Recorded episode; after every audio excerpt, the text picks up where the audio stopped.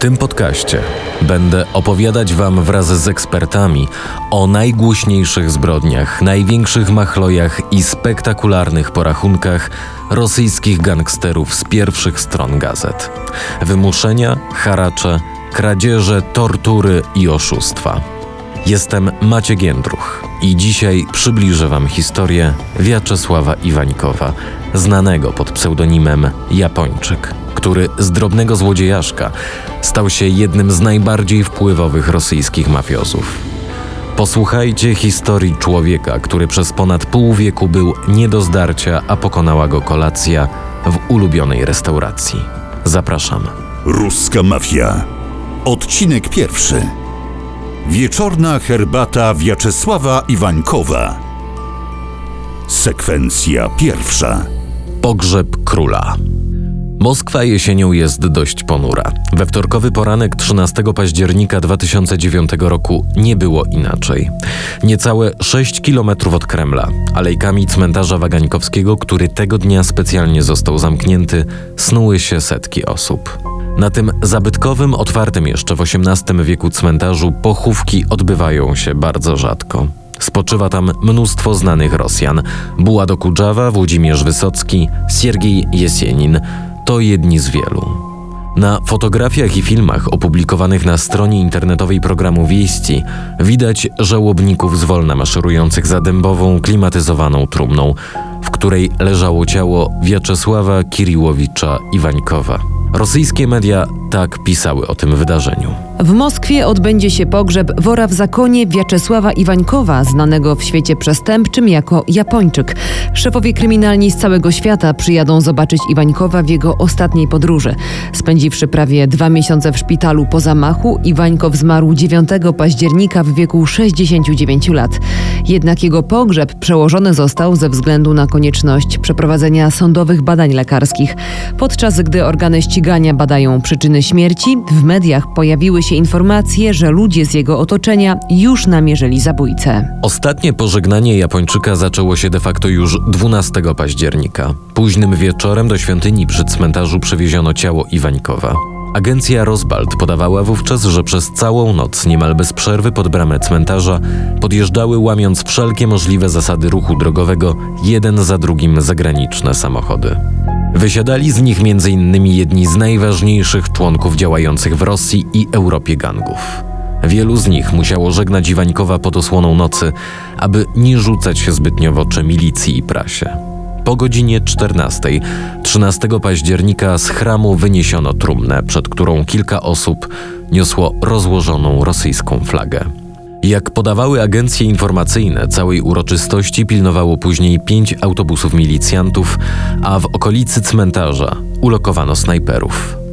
Ten niewiarygodnie szykowny i drogi pogrzeb, który według specjalistów mógł kosztować nawet ponad milion dolarów, odbył się cztery dni po stwierdzeniu zgonu Wiaczesława Iwańkowa, niegdysiejszego lidera moskiewskiej zorganizowanej grupy przestępczej Wora w Zakonie.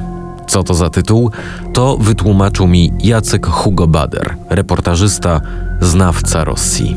Wor w zakonie to jest po prostu wysokiej rangi przestępca pospolity, o tak bym powiedział, który być może rzeczywiście organizuje się na tyle dobrze, że ma wokół siebie bandę ludzi. Zaraz pod nim był ktoś taki, kto się nazywał autorytet, czyli autorytet po naszemu. W latach carskich później radzieckich bardzo ściśle przestrzegano tych tytułów, żeby po prostu nikt się ich nie przywłaszczał i nie puszył się i nie używał bezpodstawnie. Na to sobie trzeba było swoim bandyckim życiorysem zapracować. Wor to jest po rosyjsku złodziej, a w zakonie to taki naprawie, jakby złodziej naprawie, czyli jakby ten taki, który strzeże tego złodziejskiego prawa, honoru. Sekwencja druga. Udany zamach. Japończyk umierał długo i boleśnie. I o to chodziło zlecającemu jego morderstwo.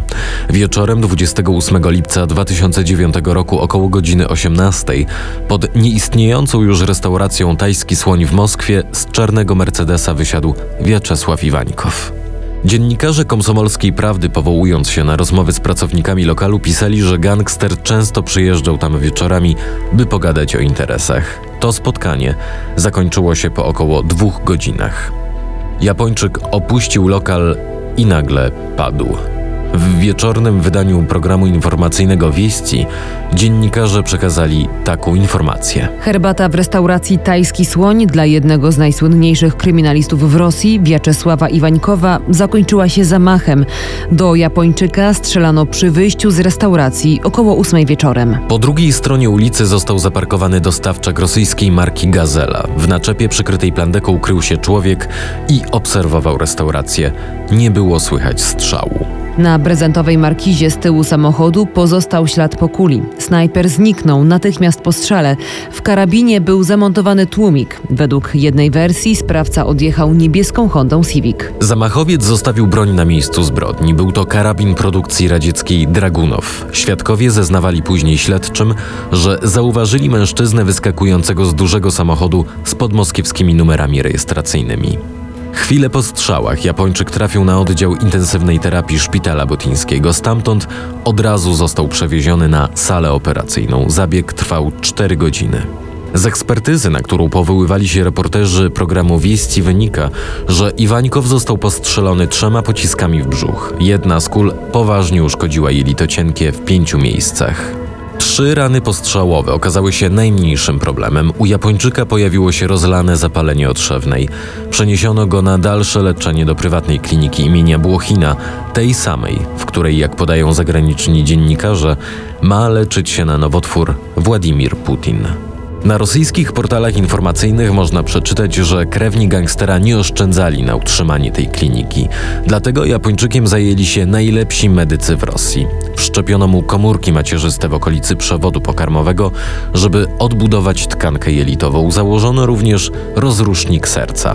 Mimo tego 14 września Wiaczesław Iwańkow poniósł śmierć kliniczną.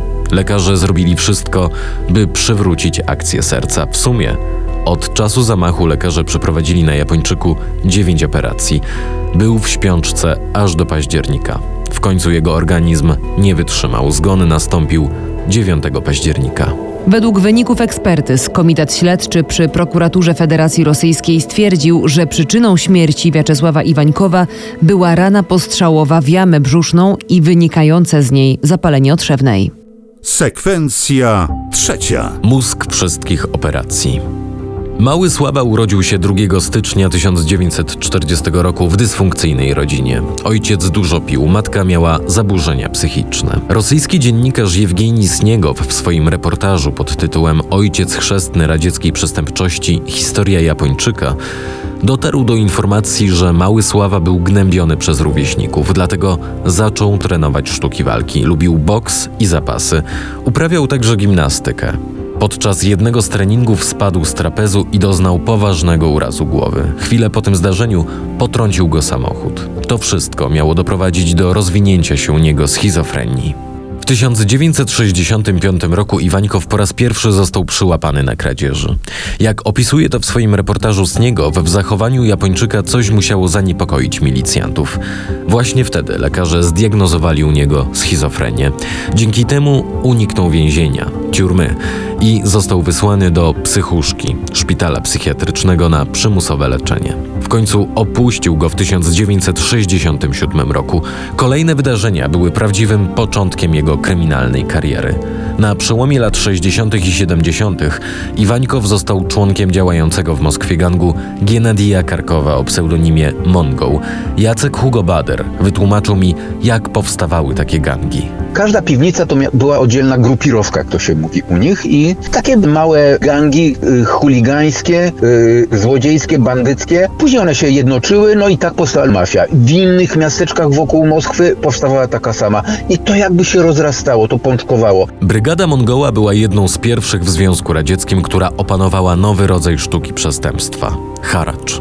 Ich celem byli czarnorynkowi handlarze walutami, zamożni kolekcjonerzy, wszyscy ci, którzy nie zgłosiliby na milicję prześladowania przez gangsterów ze względu na ryzyko więzienia.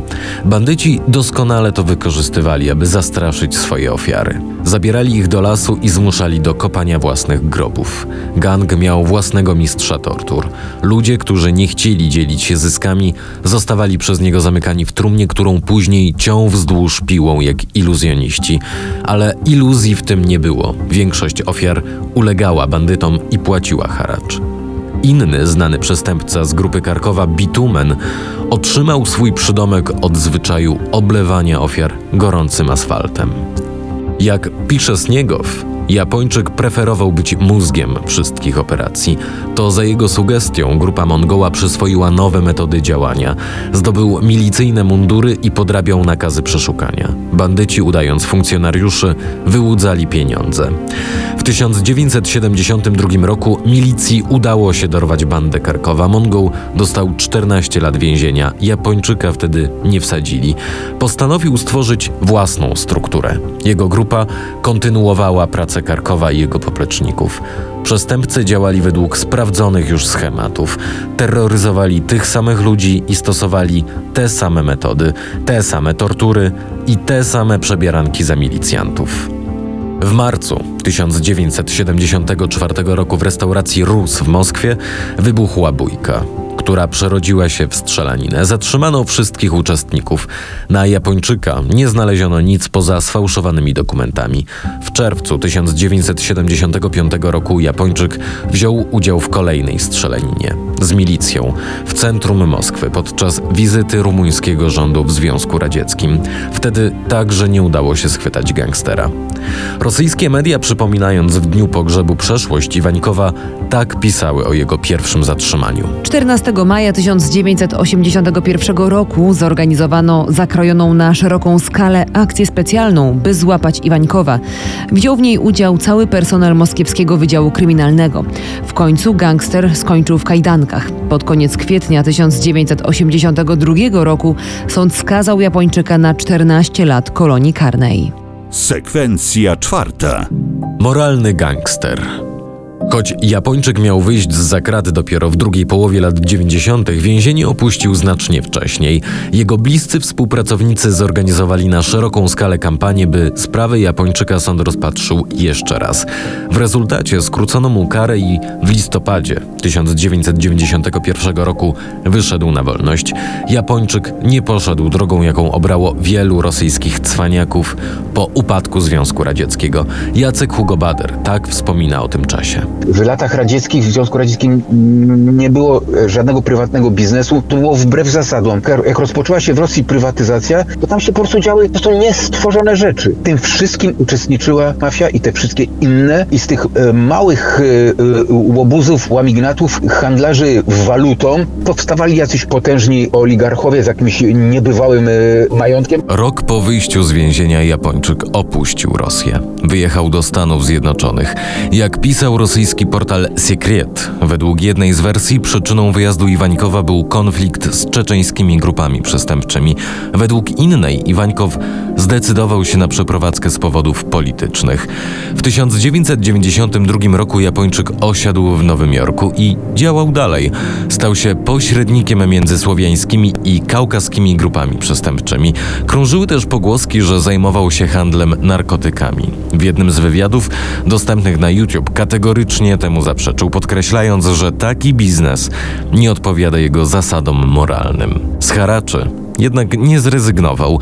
Biznesmen Aleksander Wołkow, prezes firmy inwestycyjnej, zwrócił się do FBI i zeznał, że poplecznicy Iwańkowa wyłudzają od niego pieniądze. Dzięki temu doniesieniu służby federalne aresztowały Japończyka w czerwcu 1995 roku.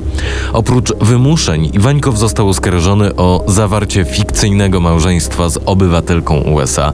Kobieta twierdziła, że otrzymała za to 15 tysięcy dolarów. W 1997 roku Iwańkow z dwoma zarzutami na koncie otrzymał łącznie prawie 10 lat więzienia.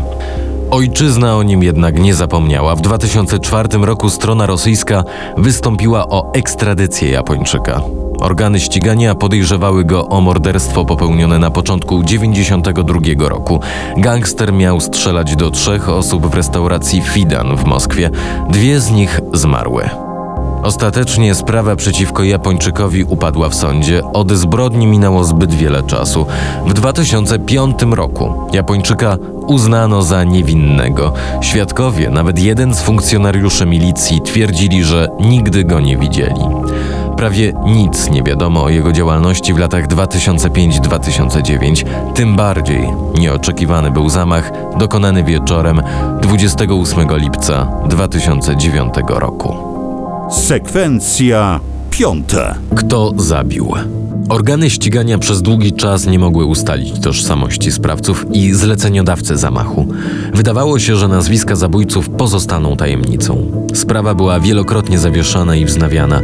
Dopiero w 2020 roku coś zaczęło się rozjaśniać. Wiceprzewodniczący Komitetu Śledczego Federacji Rosyjskiej Rościsław Rasochow powiedział w wywiadzie dla gazety Komiersant, że głównym motywem zabójstwa Wiaczesława Iwańkowa był przedłużający się konflikt z przywódcą Ilią Simonią, pseudonim Macho. Macho wpadł w krąg podejrzanych o zamach już w pierwszych dniach po postrzeleniu Iwanikowa.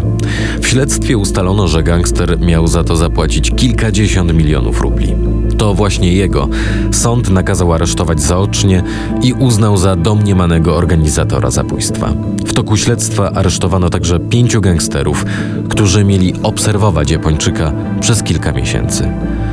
Konflikt między Simonim i Japończykiem miał się rozpocząć w latach 80., kiedy odsiadywali razem karę w tuluńskim więzieniu. Iwańkow nie zgadzał się na utytułowanie Simoniego worem w zakonie.